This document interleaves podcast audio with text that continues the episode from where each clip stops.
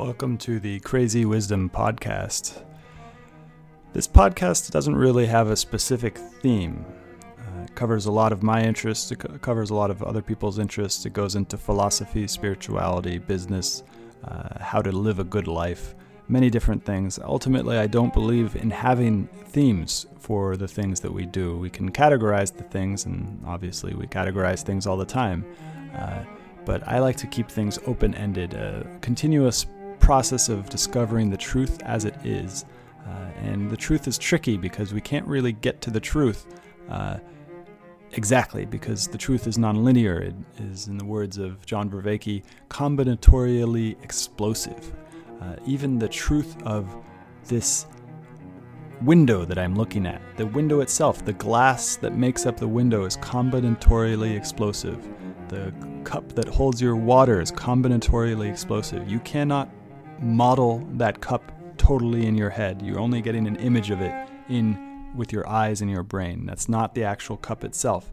Uh, so this this show is a discovery of truth wherever it may appear by talking to people from various different fields. I've talked to artists, engineers, entrepreneurs, investors, uh, refugees. I've, I've just talking to anybody who has a glimpse into the truth.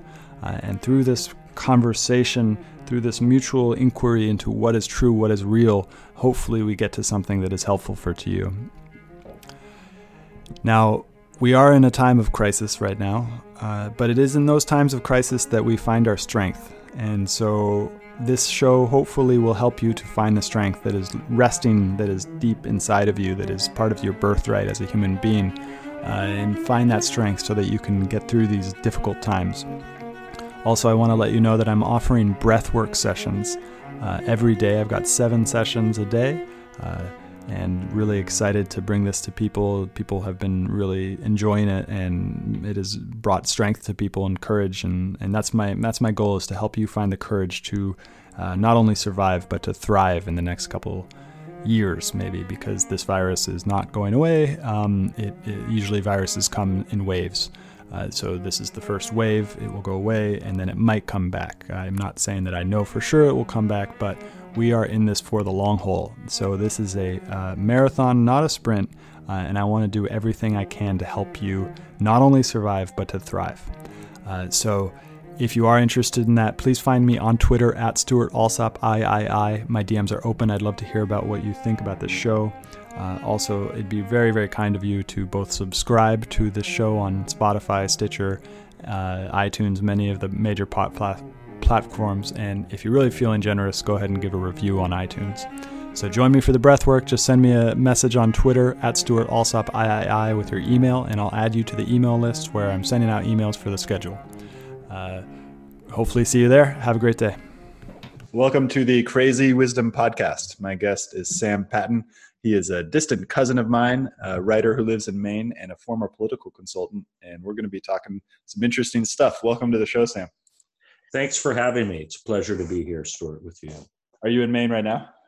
I am. Yeah. The weather's horrible. Yeah, yeah. That's what I was going to ask. It's getting pretty cold. It's uh, yeah, not quite spring yet. And what is so? Let's let's actually go into mm, the family situation. So, how are we related? You and I are are uh, what do we say step cousins? Your great uncle was my step grandfather. So, um, so we're not cousins by blood. We're cousins by marriage. Mm, and I would say probably second cousins by marriage. And so, for my listeners, uh, my grandfather is named Stuart Alsop, and my great uncle is named Joseph Alsop, and they were columnists in Washington, D.C. in the 1950s, well, I guess maybe even the 1940s, 1950s, and 1960s. Uh, and it's interesting because I share the same name with my grandfather, but my my great uh, granduncle, I think that's right, uh, Joseph Alsop, and I'm actually more attracted to the thoughts and writings of Joseph Alsop because he was he was quite the contrarian, uh, and he um, he lived in China. He well, he went to he went to China during the war, um, and uh, had was really into Chinese art, and, and also was homosexual uh, and was uh, closeted. And the KGB actually found out about it, and actually tried to use a honeypot, uh, which is basically an attractive man, uh, for a Russian man to try to entrap him. Uh, and and then and then the in the boss move, Joseph Alsop uh, goes to the CIA and says, "Hey, this is what they have on me. I'm giving you this. Do what do with it what you will." Is that an accurate explanation of what happened? Yeah, I don't know about what uh, you know tactically happened, except he did get caught in a honeypot in Moscow in 1957. Uh, you know, which was probably the wrong time to be caught in a honeypot. And he was just contextually, he was a very harsh critic of the Soviet Union and of communism. So it was, you know, he was in a very compromising position. And he, uh, I think he basically told his blackmailers to go fuck themselves. And they were, um, I think they were surprised because they counted on an American, a vigorous American free press, and it didn't happen. Mm-hmm. So mm. the story didn't come out till after his death. Oh, I, I, didn't know about it. I didn't know that he was gay until after his death. Interesting. Um, so the first question is why was 1957 a bad time to get stuck in a honeypot? Well, uh, there was still a fairly uh, conservative uh, government in, in, in the Soviet Union. It wasn't as bad as 1937 um, for anyone who's seen Mr. Jones, or I think that was even earlier, 32, 33. Um, but it was still, you know, it was a tense moment between uh, it was in the lead up to the Cuban Missile Crisis, which would happen uh, five years later. Um, we had just supported or sort of suggested we were supporting uh, protests in Hungary, which brought in Russian tanks. So it was, yeah, I mean, it was a, it was kind of a, it wasn't a lovey-dovey period between the U.S. and the Soviet Union which is so interesting for where we stand now because um, at that time everything that not everything that the united states did but a lot of thing, the things that the united states did seemed pretty necessary at the time in order to battle this existential threat from a ideological enemy uh, that was intent on worldwide socialist revolution uh, and so, but now we are dealing with a sort of shift in global power where that the United States is still operating under a playbook that is an old playbook that is I, I, for me personally i don't think that russia is a ancestral enemy of the of the west. I think it's an ideological enemy or it was an ideological enemy but that ideology failed uh, and is no longer there.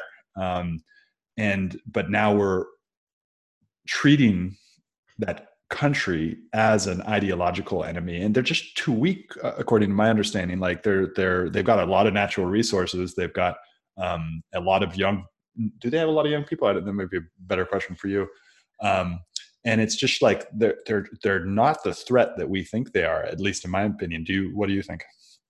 Well it, russia is a threat. Mm. it's not the greatest threat. Ah, um, it's not our number one threat um, it is a bad actor. It is like a um, yeah. child who has been to so many reform schools and so mistreated and and done so many horrible had horrible things done to him and then does horrible things that he gets to the point you say is this an irredeemable criminal and i think that's pretty much where russia is mm-hmm. but is it the vice i mean is it the super enemy no that's china um, from our perspective. Um, I do think that it's wise to be critical of Russia. Um, I don't think that we've had a great policy towards Russia in any administration since the dissolution of the Soviet Union. In 1991, I think that we've, um, it's not our fault that it's become such a bad actor. It's not our responsibility, but we certainly didn't help the situation at any point. And more recently, it's become sort of a theatrical tool mm. in American politics. So that's a second. There's lots of theatrical tools at the moment, uh, and uh, and it all seems to be essentially theater. Theater, like nothing seems to be real uh, from the policy angle. All of it seems to be signaling, both domestically and foreign. Uh, like even China, like the, the policy towards China, it's like this strange beast where it's like we know that we're dependent on them to build our stuff and buy our debt and put away our trash. Uh, but at the same time, we know that they're the larger enemy, that they've got 1.3 billion people, and they do represent an existential threat to the West, uh, particularly now that they're turning towards more autocratic. Something I picked up from Peter Thiel a couple days ago was very interesting in the sense that uh, China, Xi Xi Jinping is now basically copying Putin in the sense that he's now establishing a long uh, he, that he will rule for the rest of his life, um, and which is something that that Putin has figured out how to do in Russia, uh, and so we're we're pointed towards China in this really strange way that's kind of like codependent if we come from the the the the uh, the psychological aspect and it's really tricky because they do own a lot of our debt. Uh, what do you think about? Oh, okay, what does a great policy towards China look like? And then also to add to that, what does a great policy towards Russia look like? Well, I'm unaware of what the foreign policy of the United States strategy is. Um, and I think it's also becoming less relevant to the world. Um, we are ceding our one time superpower status and uh, you know, in these efforts to sort of cleverly lead from behind, uh, we're no longer the determinant factor in many places where we have been over the last 70 years. So that's, you know, that's one thing. Um, I think that our policies towards both China and Russia have been, uh, you know, largely ineffective. China is more complicated. Russia, there's just less equities, you know we have less levers over them because our foreign direct investment is limited. It's not a great investment climate. And, uh, you know, what else do we have to, th- you know, threaten them with? Um, mm. So, our, you know, we have fewer levers with Russia, you know, shy of, you know, outright military action or some even proxy military action. Interesting. Um, we do, well, we, we do have equity in terms of China. Like China has a huge amount of our debt we do we have a huge amount of their debt? I I don't know the economics on that, but I, I doubt that we're uh, we're we're definitely on the losing side of that bargain, whichever way you measure it. And why does that work? If you have any insight into that, why does it? Because it's because they've they've bought our debt. Debt. China ha- owns a significant amount of our debt, um, and that's a form of leverage for them. So in geopolitical backdoor negotiations that probably most of us don't, you probably know more about this than I do, but um, they can essentially use that leverage in order to uh, accomplish various geopolitical goals. So, for example, ignoring the human rights craziness that is going on in uh, Xinjiang, uh, or you know that already happened in Tibet. Uh, it's already been completed in Tibet. The the the the I mean, there's no other way to say it. The cultural genocide that that happened in genocide in, in, in Tibet has already happened. It's already been accomplished. And so they can use this fact that we have this debt in order to say, hey, you know, the, the Senate can't, this is just an example, this doesn't actually happen, but the Senate can't actually say that the, that Tibet is a genocide um, or whatever. Uh, and so that's a form of leverage that they can use. Um, what are, uh, and we don't, I know you're an, ex, you're an expert in Russia. Um, you, you speak the language, you lived in Kazakhstan for a long time. Um, uh, but but it might also apply to Russia. Well, what are the forms of leverage that Russia has on the United States? Well, Russia doesn't have that many on the United States. Um, adoptions, for instance, was one, which was why uh, the Trump Tower meeting that everyone talked about existed. That uh, Russians know, you know, what do the Americans want from us babies? So if they could cut off the adoptions, they could, you know, protest an action that we had taken. It's often tit for tat like that.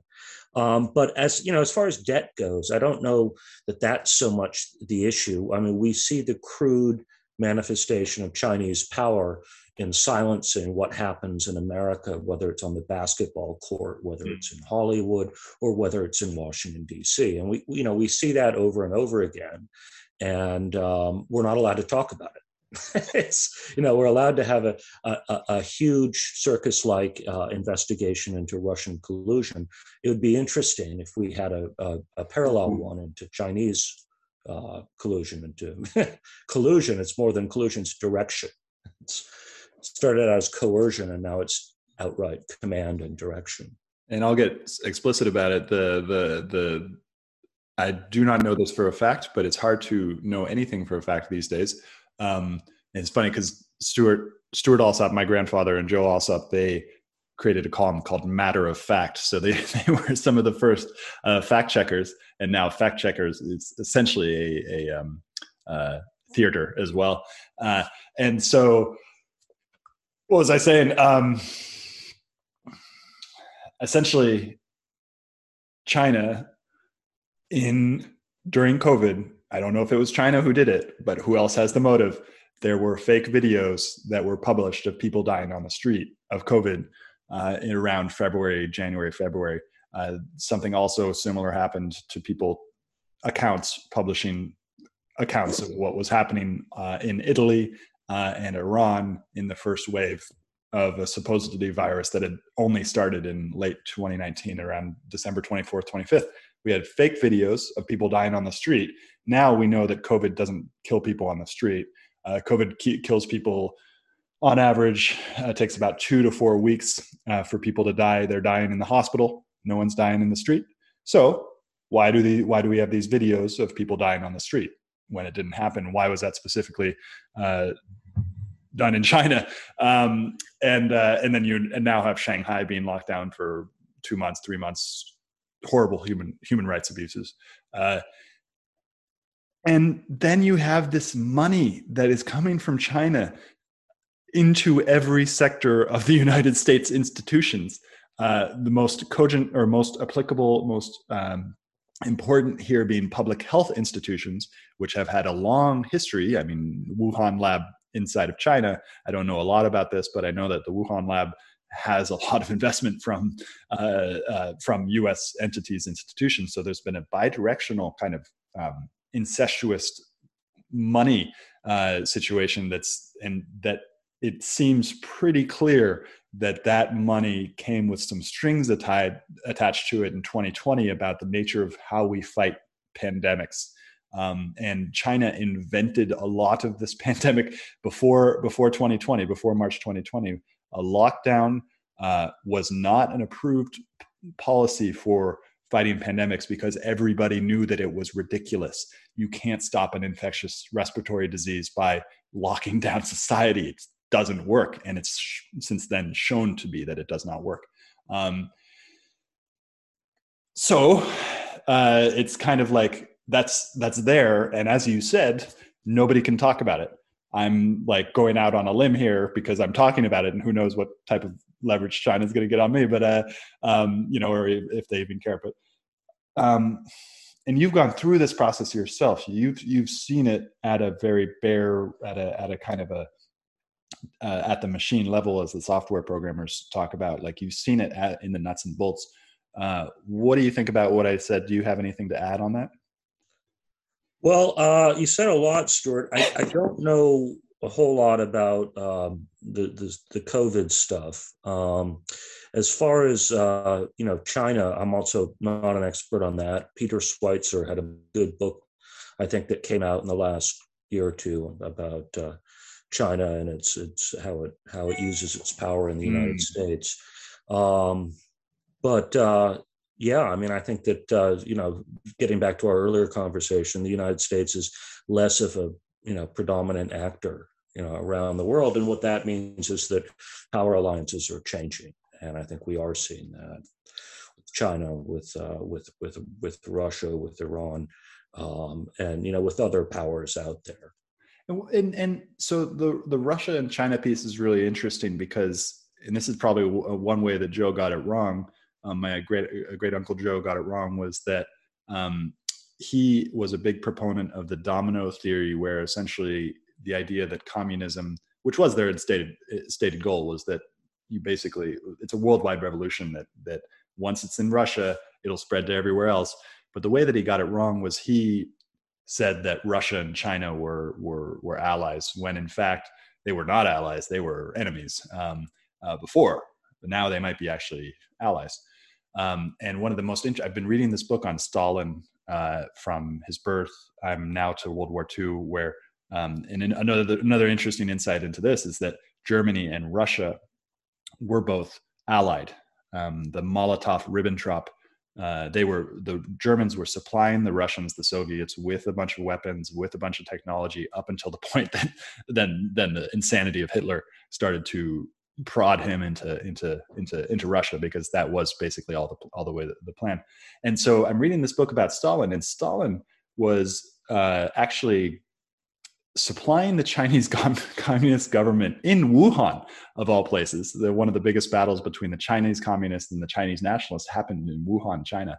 Um, uh, and so Stalin was actually giving money to the Chinese Communist Party, but he was also giving money to the nationalists who were um, Chiang Kai-shek. Uh, because he was worried about Japan because Japan had a, had was an actual enemy of Russia. So my uncle Joe in 1950s, uh, 1960s was a strong proponent of, of uh, domino theory, um, and got it wrong. But now it might be right.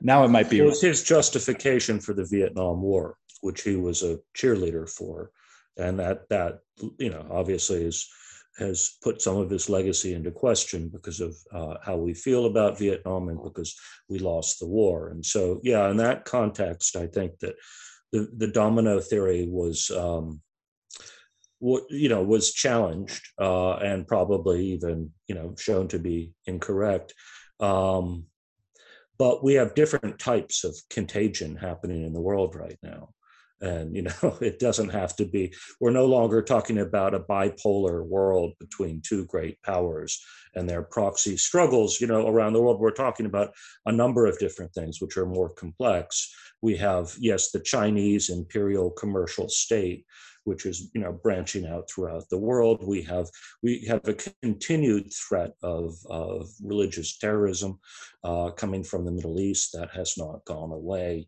um, and uh, we're we're seeing a sort of a dissolution of Europe um, as Russia is essentially raping Ukraine in front of the entire world. Um, and this, you know, situation, you know, reminiscent of, you know, what happened before World War II. So, um, so yeah, I think everything's changed from that time, and each of these, each of these sort of activities, each of these areas of activity, uh, bleed out different things. And in the case of Russia, what they're bleeding out is um, essentially failed states and destruction. If you look at everything in the Russian periphery, any country that has been liberated by Russia, whether we're talking about uh, South Ossetia or Abkhazia or uh, you know the contested, you know the Transnistria, you know all of these sort of breakaway territories are just no man's lands. Ooh. It's what they're trying to do to Ukraine in hiving off eastern oh, Ukraine. Oh, they'll make it yet another shitty wasteland. So it's a different type of domino theory that's you know that's what Russia spreads uh, th- this type of almost cancerous um, uh, contagion on countries in its periphery, and look what it's done to Europe in terms of showing disunity and dependence on on uh, Russian energy. Um, so that's you know that's one dynamic. China, I li- I know less. I know less about the East, uh, you know, East Asia and the Pacific, and and uh, how the powers there work. But it's certainly, you know, a whole nother vortex in itself. Uh, and so I would love to get your insight. It was so interesting what happened because I have never heard of countries announcing a war. Um, uh, but that's what Russia did. They they basically announced to the whole world that they're going to invade Ukraine, like in in in I think it was in November. It was funny because I was planning a trip to Russia. I started thinking I wanted to go do this dance in Russia called Zouk. That's a Brazilian dance, but it's in Russia, and I want to go do it. I planned in August, and then in November they they they announced that they're going to declare war in Ukraine. I didn't think that they were going to do it. I thought, who is announcing a war? Like, why would they announce a war? Doesn't that remove the element of surprise? Like, why? W- w- what's going on? And I was like, oh, this is just a bluff. It turns out everybody else was. A lot of other people were thinking that it was a bluff. Um, but then I think it was in December, and you, you probably know more about this, that Kazakhstan started to go through some crazy stuff. Uh, and then that distracted everybody, and I think including Russia as well. But that also might have been part of their plan. Um, what do you, what happened in Kazakhstan in in, in November or December uh, with, with in relation to their political uprising? Well, Kazakhstan had you know some unrest at the beginning of the year, and it's not surprising. It was um, economic based. They have a kleptocratic uh, authoritarian regime, which has shown itself to be heavy handed in the past when it could have been more conciliatory. And um, with it was it was I, I, believe it was sparked by fuel prices, mm. which is cruelly ironic in a country that's a major oil producer when the people can't afford to fill up their cars. So I think that's probably what drove it. It's sort of a, a totem for the corruption that runs in the country. Mm. Um, but it's not uncommon in Russia's periphery. We've seen multiple uprisings next door to Kazakhstan and Kyrgyzstan. Uh, you know, we've seen them elsewhere. We've seen the color revolutions, which really freaked the Russians out for some reason. Um, and they're worried. They're worried about the same thing happening in Russia, basically. Russia does not want to see countries that are not in its direct orbit that used to be that broke away. It doesn't want to see those kinds of countries be very successful because if they are, then it leads ordinary Russians to wonder why do we have to have this shit in our normal lives. So we saw that with Georgia in 2000. Uh, was it 2008? When Russia invaded Georgia, and Georgia's president, I think, uh, had a lot to do with that. But you know, the Russians were intimidating. They did invade, um, and they they seized a significant amount of the territory because Georgia had been seen as a success up until that point, oh, fighting corruption, uh, bringing in foreign investment, having democratic elections, uh, increasing tourism, um, selling its wine around the world again. So um, huh. And at, there, there were other regional dynamics I won't go into at the time, but obviously NATO played a role too, and Georgia's aspirations to NATO. And we saw the same. That was the pretext for what we've seen in Ukraine uh, in the last several months. That is so fascinating. I went to Georgia in 2007, uh, and I was going. I went there because a friend of mine was Armenian, and we wanted to go to Armenia um, and so we both went to Armenia. That was the the main role of the trip. But then we ended up going to Georgia as well, and it was so fascinating, particularly now with the information I have on Stalin. Stal- Joseph Stalin was born in um, a place I think it's Gori. Gori. Gori. Yep. Yep. yep. Um, and uh, and so he was born there, in Armenia Azerbaijan and Georgia are all three of these places that it's so crazy that Stalin came from Georgia because he's not Russian. He speaks Georgian, like he, but then he learned Russian and he was adopted into the empire and then took what the empire did and then turned that into what what the Soviet Union did. Um, in as many ways, wasn't too far of a of a of a difference between a czar and and Stalin. Um, and so we had we had gone to Armenia and then we went to Georgia, and it was night and day, night and day, the difference between Georgia and Armenia. Armenia was, as you said, like a uh, corrupt, poor, uh, dirty, dark. Yeah, yeah, just not fun. It, I mean, it was fun. It was interesting, but it wasn't. It wasn't. Mm-hmm. I didn't feel energy. Uh, and then I went to Georgia and go to Tbilisi, and there was energy all over the place. There were EU flags. There were there. I saw a military parade, and this was you know four years after the after the Iraq War, and Georgia was uh, was a participant in the Iraq War and actually followed through. So it's so fascinating that in Georgia from a lot, both Georgia and Armenia, for a lot of people who don't know, is that are uh, both Christian countries that were some of the first countries that were actually Christian, um, ever Christian. Really beautiful mountain mountain places, but also a stark difference between uh, political leanings and the way that people, uh, small places, react to political leanings.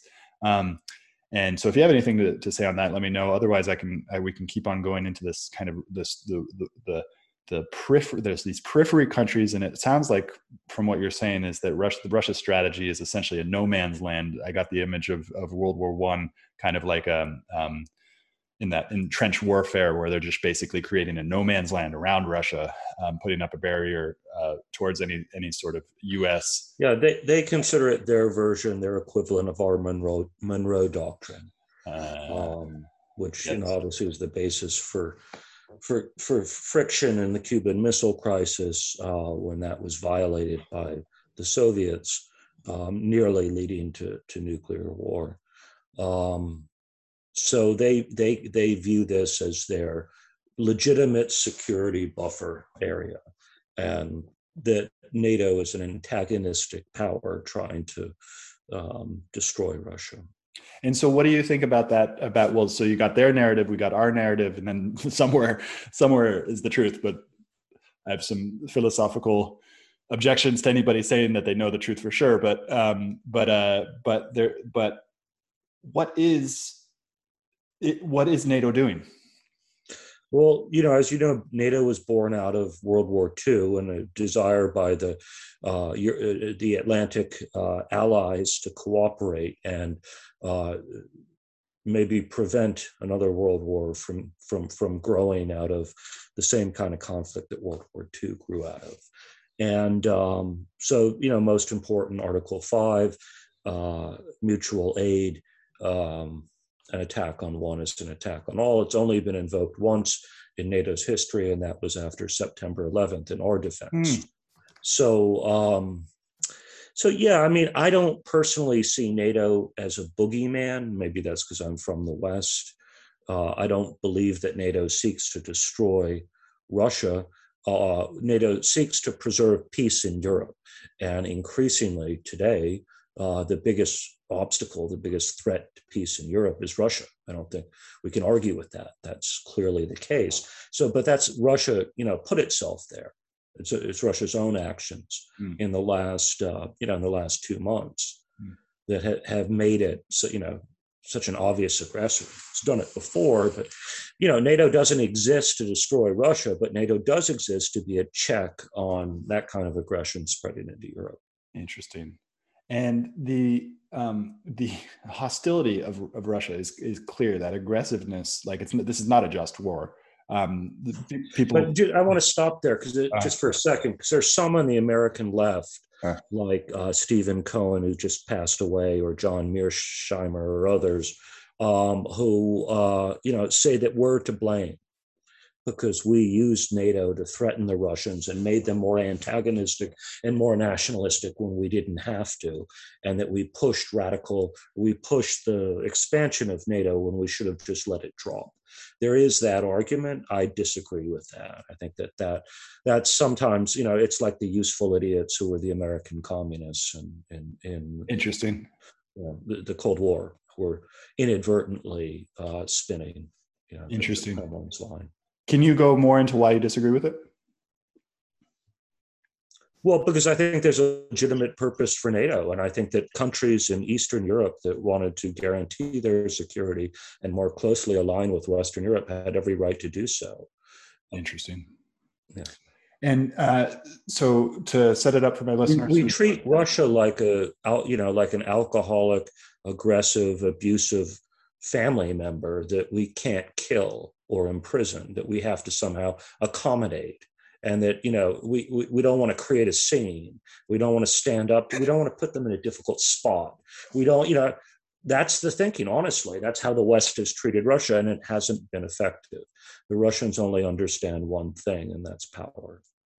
And and and and the uh the democrats uh it's so interesting how the, the, the relationship between foreign policy and domestic policy, particularly in the United States, and China actually went and studied this. There's this great article about somebody from uh, Xi Jinping or or Deng uh, or whoever whoever was before Xi Jinping uh, about this Chinese guy coming to the U.S., studying here, and trying to understand where things went wrong in relationship to what I'm about to talk about, which is that we in the West seem to have basically become too comfortable.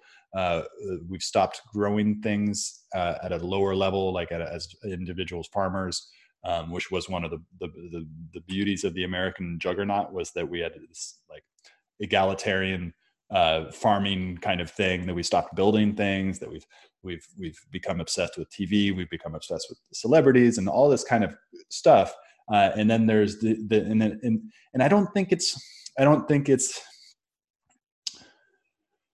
uh, I don't think that there's anything going on in terms of people's thoughts about okay, we're going to do this as a form of evil. Uh, but I think that the the the, the morality of the United States is is essentially disintegrating, and it's and it's not disintegrating in the sense that like the devil's coming in and like and like doing all this stuff, but it's just like we're we're obsessed with bullshit, uh, and and that's reflecting in our foreign policy as well because as you said russia only knows power uh, and the same thing with china. They only know power. I would argue that all governments only know power um, and that our governments have been historically more enlightened uh, but are also now moving towards a sort of less enlightened uh, more autocratic, more, less freedom of speech type of thing. I, I, do think that the freedom of speech, there was a, a full on assault on freedom of speech in our country through the alliance, the unholy alliance between the technology and government. Um, I don't really have a point. If anything I said uh, sparks anything in you, let me know. Um, yeah. Well, we live in interesting times. And so I want to go back to Europe. And because Russia's doing some crazy stuff, they've now said that you can only buy gas from them with the ruble, um, not the dollar anymore. It's not denominated in the dollar. And Europe's stuck there getting 40% of its natural gas, some insane amount of their natural gas from Russia.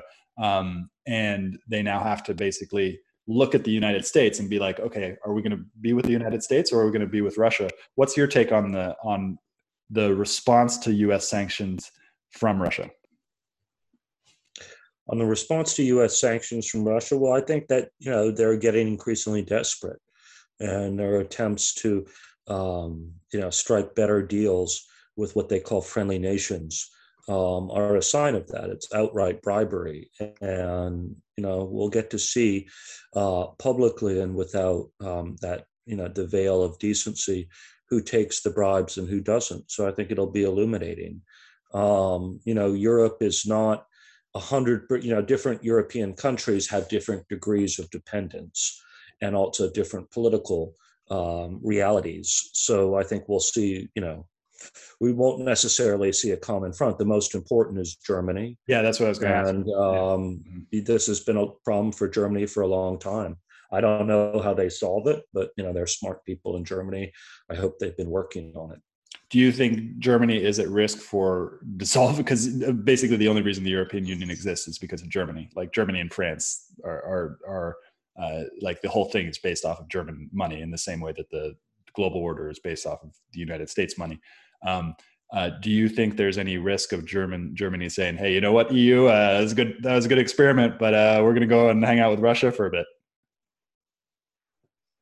No, no.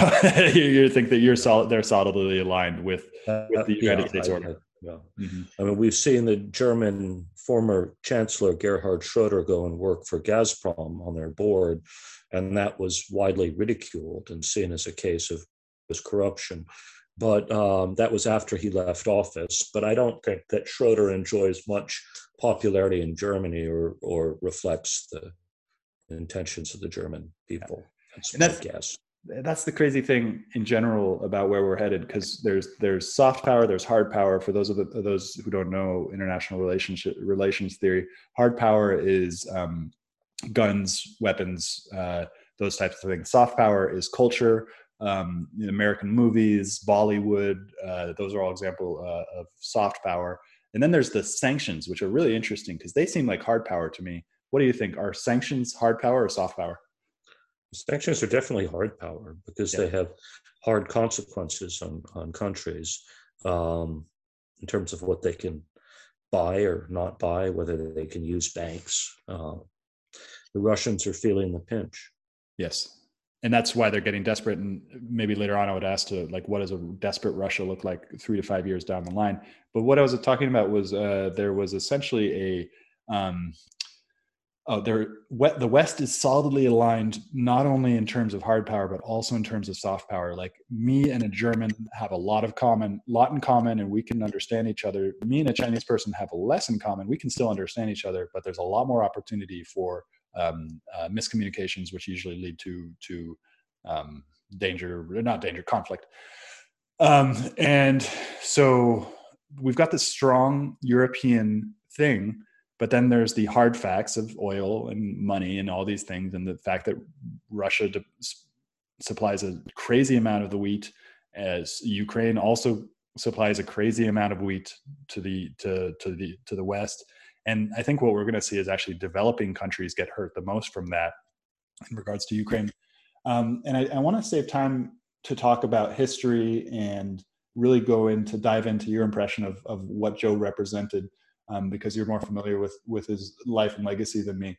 Um, but let's just talk a little bit about Ukraine war and what you think is going on there because it's really hard to find objective uh, biased uh, unbiased or at least people are aware of their biases and, and and state them clearly about what is happening in ukraine kind of at a high level what is happening to ukraine including all the stuff we've talked about. Well, we're seeing the efforts of a uh, large regional power uh, to uh, change the government of its neighbor, a smaller power, but not an insignificant one, uh, with with deep historical and cultural ties, um, which you know, in a way, almost looks more like a civil war than an actual international war.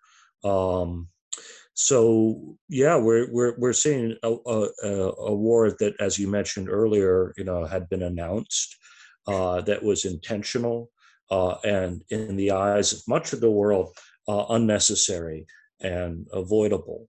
Um, so it's uh, the fact that we're now going into the second month of this war, uh, or finishing up the second month rather of this war, um, is a you know credit to the Ukrainians and their resistance. Um, you know, Russia can't do much to defeat Ukraine entirely and occupy it successfully. Um, they just, but they can do that for eastern Ukraine, right? They haven't been able to easily. Presumption was because there were two breakaway territories uh, that allegedly stood for the interests of Russian-speaking people. Um, that you know the the there would be flowers thrown at their feet. That hasn't happened, and as you know, there's a continued fight for Mariupol, the major seaport in the southeast, even though um, you know the Russians have thrown everything into it. They'll probably win eventually, but they'll win the same way that they defeated the Chechens uh, mm. in Grozny by just leveling it and while the world watches. Yeah. Um, so there's, you know, they could continue to do this, um, but it's it's not doing them any favors.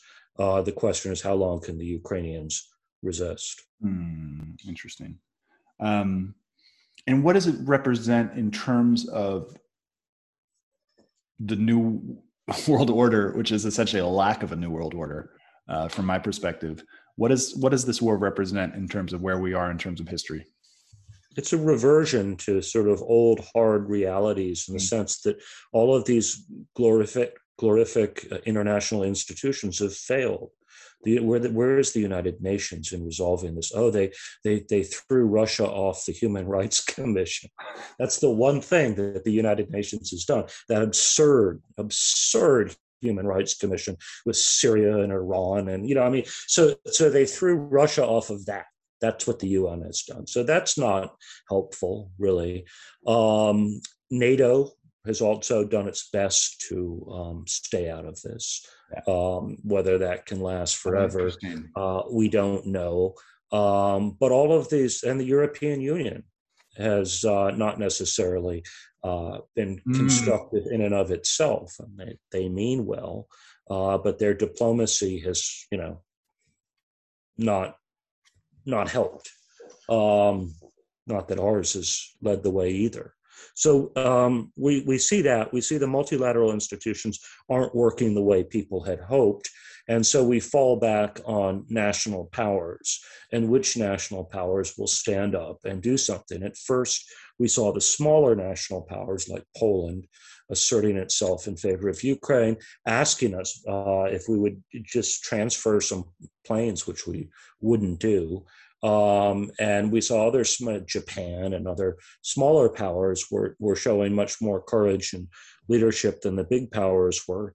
Um, now I think we are going to get dragged into it to some degree. I mean, hmm. we have Americans uh, over there fighting with the with the Ukrainians.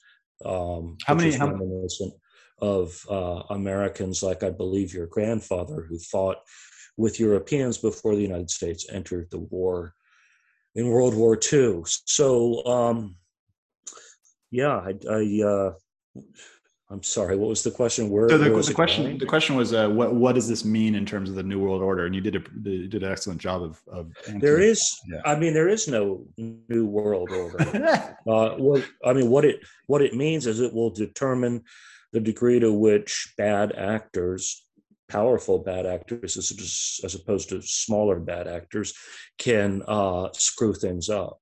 Interesting, and that's that's very dangerous because that's what we saw with 9/11, where we, where we have a uh, asymmetric warfare um, where and this will only increase in terms of the internet and and i mean the diffusion of nuclear weapons which is still a, reality um, and the only like it doesn't seem like russia is going to use nuclear weapons. It's so interesting that we now actually have a war. It's not technically between the united states and russia but we have a war where it's like really close. Uh, and uh, there's a there's an author in the 1980s, Tom Clancy, who wrote a book about what would what would have happened if the Soviet Union had gone to war with the United States. It was a hot war, but it never actually went to nuclear weapons. And in, in some senses, we're getting to understand that right now. And I don't think this the the Russians are going to use nuclear weapons no matter what happens because they only understand power and they understand the power of nuclear weapons.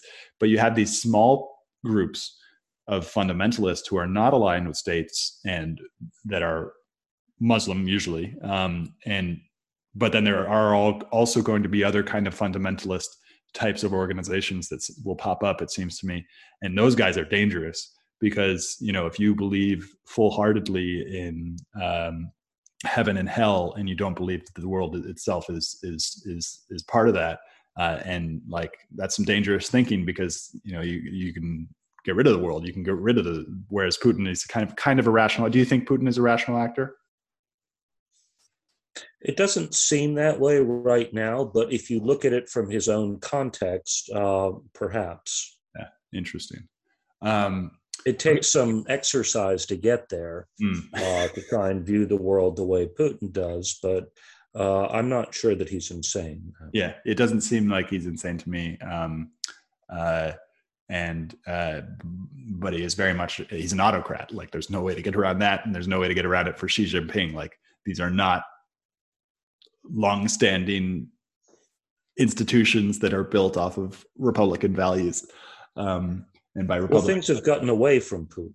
I think was there's an artificial projection of power and um, remember, we said not so long ago that Putin rigged the American elections in 2016 and installed Donald Trump.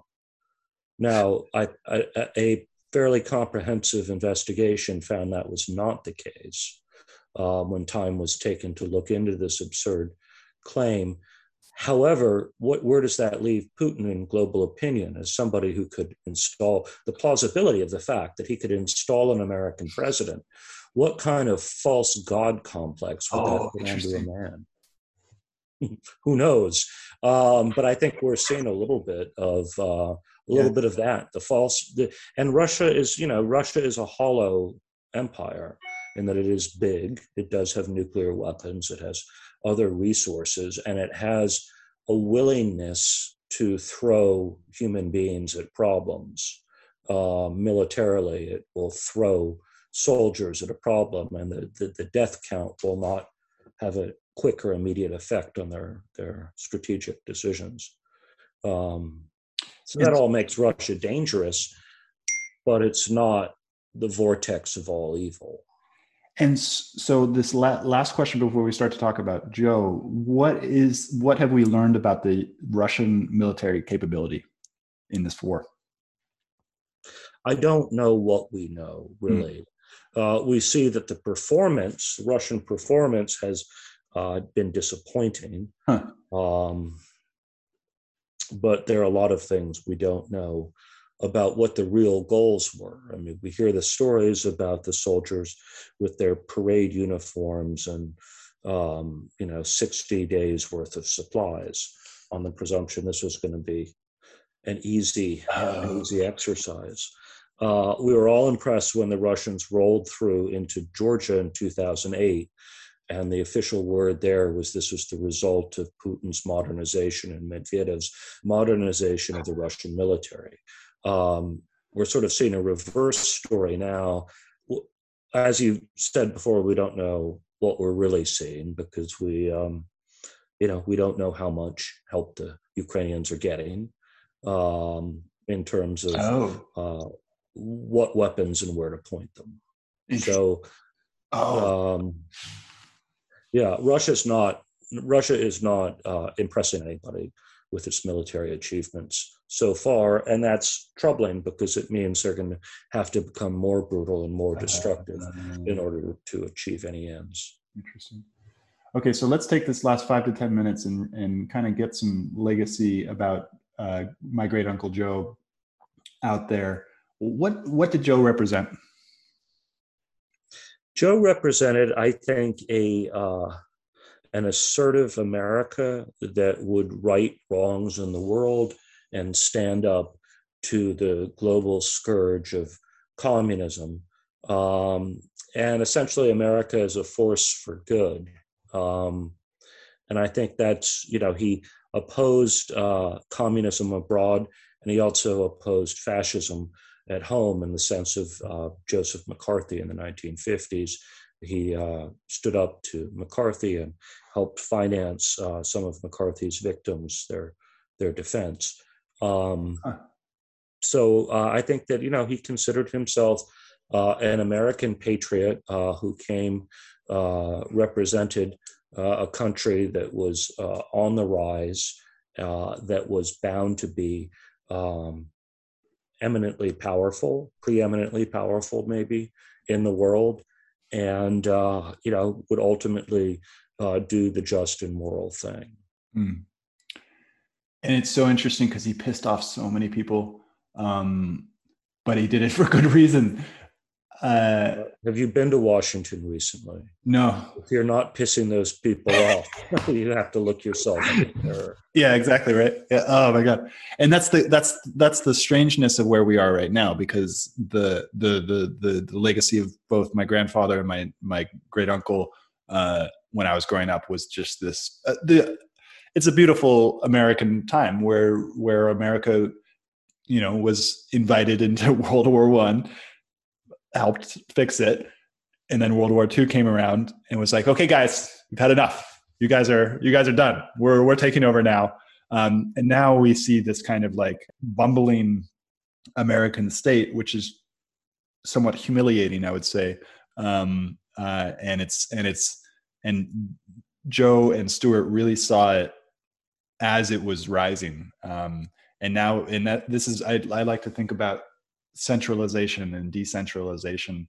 Um, you know, the uh, an example of that would be ancient Rome. Ancient Rome was centralized, and there was you know 300 to 500 years of of kind of a centralized power that figured some stuff out, uh, and then decentralized. Uh, and that was the Middle Ages. The Middle Ages are decentralized. So a lot of people, particularly in cryptocurrency, think about decentralization as an unlimited greatness. Um, but there's actually some problems with decentralization as well. And this this 1950s to 1970s was this beautiful time where the American centralized unit did some pretty crazy stuff. Like the the and and stuff for good. Like we nobody thought about human rights beforehand. And it was so beautiful to have this this time period where at least people played lip service to to to, to human rights. Um, and now that seems to be kind of over uh, at least in my understanding. I, I don't think the United States can any longer say much about human rights given uh, the lack of attention to human rights within the with the coronavirus. Um, like I do think that was a significant deterioration of our the what is it what is it called when you our civic freedoms. Yeah, yeah, yeah. And it's just like it's. Like, are we done? Are we done with that? Like, what do you think about everything I just said? Uh, well, I do think that we continue to be, uh, you know, on the side of human rights. I, I, I, think that even at the time that the United States did uh, support uh, right wing regimes in Central America and did other things that were sleazy and wrong from the standpoint of human rights. Uh, we thought we were doing them in furtherance of a greater good. So I, you know, I, I don't think that we're not in a position necessarily to talk about human rights, it's, it becomes a confusing conversation because it becomes one now of multiple genders and sexual preferences and, uh, and various degrees of, of, of, identification. And we forget about the, you know, the war torn children and, and um, you know, uh, people in uh, arguably more dire situations. So, um, you know, I think it's, it's useful to restrict the conversation um, to um, you know political rights to basic fundamental um, freedoms. And um, yeah, I, I, think that you know we continue to to be a force for them. Whether or not we're effective is another story, and that has you know that that it will be seen, will be determined in Ukraine, in Xinjiang, in um, you know, in various places where there are gross human. rights. I mean, there's a genocide going on uh, in in Western China. Um, we treat it as a domestic issue, not of concern to the United States, as we're told to. But that's, you know, it is a problem. And um, similarly, you know, we, we, can argue that we're being racist in our con, you know, concern, our, our inflated concern for the Ukrainians, the poor Christian white Slavic Ukrainians. Um, but they, they do seem to have mobilized the sympathies, you know, of everyone in this country and most everyone in in the Western developed world. Yep. We don't know how the Indians feel about it. I don't know how the Indians feel. Well, and that's the, that's an interesting point because it's the on the internet because we're we're essentially one nation now on the internet. Even though I don't like the idea of a United Nations having any political power um, because of the failure that you mentioned and also the, the, the previous version of that, the League of Nations, which also failed. Um, but the internet now has unified us in a way that's very interesting. So if you ask what Indians think, well, there's going to be different Indians that think different things, and they're now all connected to the to the to the global world. But the Indian government certainly is saying, let's let's get out of this, or well, let's let's support Russia because we have certain dependencies on them. There's plenty of people in the world who have not loved American hegemony, yes. and uh, would be happy uh, to see somebody else uh, if not take over, at least put us in our place. Yes, and that exists, uh, and that's real. And I don't think I think they're going to be pretty grateful for what America did. I mean, not everybody's going to be grateful, and there was some some gnarly stuff that America did as well. I, I don't think all the bombings have made sense, um, but like United States did represent the most enlightened government ever. Uh, like the British, the British were interesting because the British, the, the, British actually did stop slavery before everyone else. Like slavery kept on going, and to to, the, to this day, slavery is is real. William Wilberforce, right? Yeah. yeah. So like they were the, they were the ones who both made were the most effective at slavery, and then they were the ones who actually ended it before everybody anybody else. And they when they ended it, it ended, it ended um, in those places.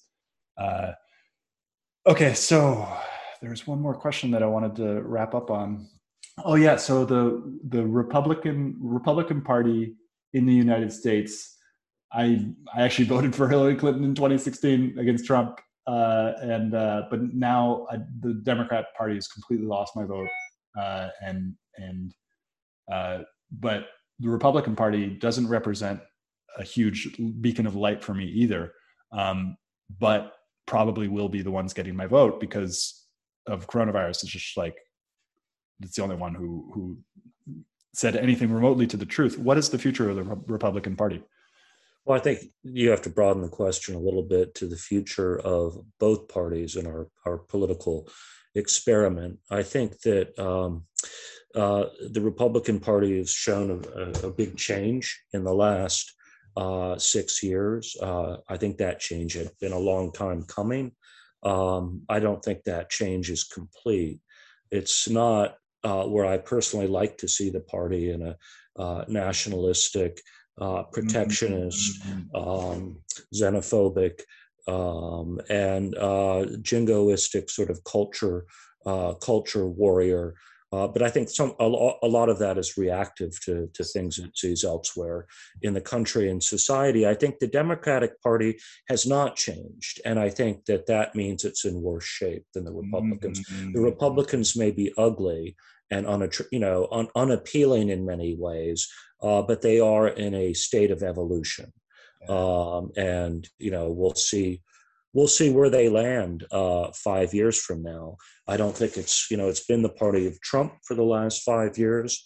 Um, will it continue to be, or will that uh, morph into something different? Whereas the Democratic Party uh, clearly, more clearly than the Republicans, though you know both are pretty broken, they show the broken system. We have a broken president.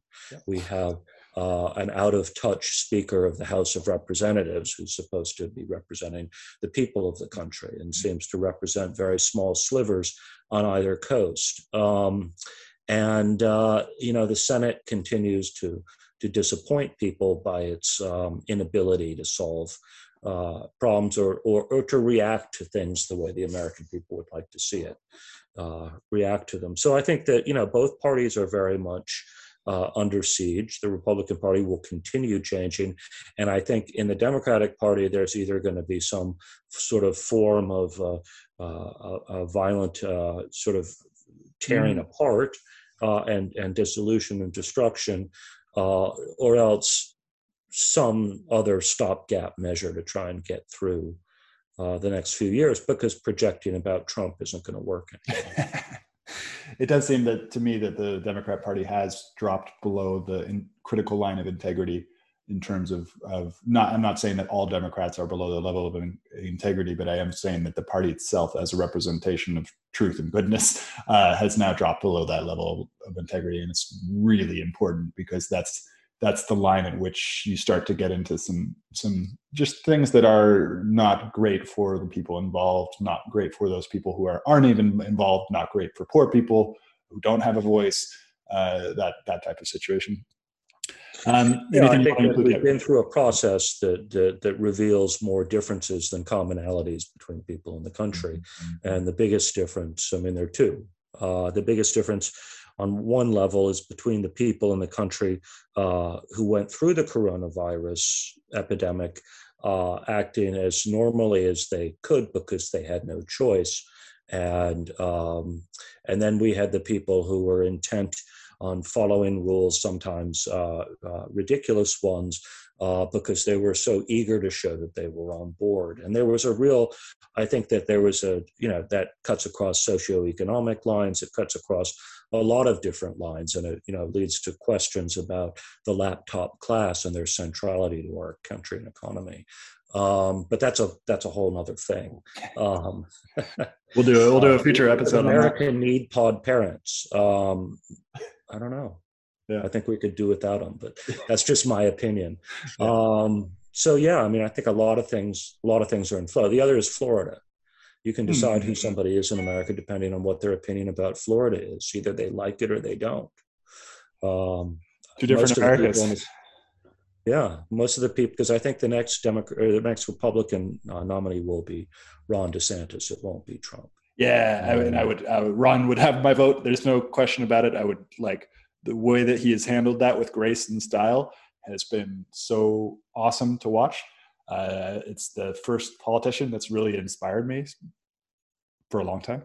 Um, let's see. Let's see what happens. Yeah. Thank you so much for coming on the show. And uh, hey, how, thanks for your interest, and it's good to connect. Yeah. Uh, yeah. How can people find out about you and what you're working on? Yeah. How can people find out about what you and what you're oh, working on? Oh, uh, gosh. Well, I, I'm a former political consultant, so I don't really, I'm not consulting right now. I write a column for three um, uh, main weekly newspapers called, uh, they're called Village Soup. So if you go to villagesoup.com, uh, you see these three weekly papers the Camden Herald, the Courier Gazette, and the, the Republican Journal, and you can read my column. It's called Crossfire Hurricane which is a reference uh, not only to the, the Rolling Stones song, but also an unsuccessful FBI counterintelligence investigation that uh, led to some unnecessary tumult in our country a few years ago. Yeah. And the, yeah. Thank you so much for coming on the show. Hey, thanks for your time. Hope you enjoyed this episode. I'll be publishing episodes every Monday, Wednesday, and Friday in the morning. If you did enjoy this episode, please find us on iTunes, Spotify, Stitcher, many of the major podcasting platforms, and go ahead and give us a review. And also subscribe. And as always, I'm on Twitter at Stewart Alsop III. Come join the conversation as we aim towards the truth. And the funny thing about truth is that you can't really put it into words because every time you put the truth into words, you create a linear narrative out of something that is nonlinear. The truth is nonlinear. It's not. It's. It's. If you really recognize the truth right now, your mind wouldn't know what to do. It'd be overwhelmed by beauty, and pain, or it's. It's something that is beyond our linguistic capability to represent but that doesn't mean that the language isn't helpful. Language can point us in the direct right direction, but it's it's not it's not the truth itself. And so come join this collective inquiry into the truth. Find me on Twitter at Stewart Alsop III. Uh, subscribe to the podcast. Share the podcast with your friends. Uh, most people don't have the ability to let go of this linguistic understanding of the way that the world works and just aim for the truth, regardless of what the language tells us. Uh, and so I think what I'm doing with this the show is is necessary for us because as we enter this stage of uncertainty, uh, and we are most definitely entering an age of uncertainty, and as we do, it's really really important that we stop paying attention to what the mind is telling us all the time doesn't mean to say that the mind doesn't have its place. The mind obviously has its place, but it's just one of the senses. It's just one of the tools that we can use. We can use the mind, we can use the feelings, we can use our actual senses. Uh, we can check our intuition with other people because sometimes the intuition tells us the wrong thing as well. Sometimes the intuition is wrong. So it, we can't we can't rely on any one tool to get us there. So come join the show. Find us on iTunes. Find us on Twitter at Stewart Alsop III, uh, and come join the, this inquiry for truth.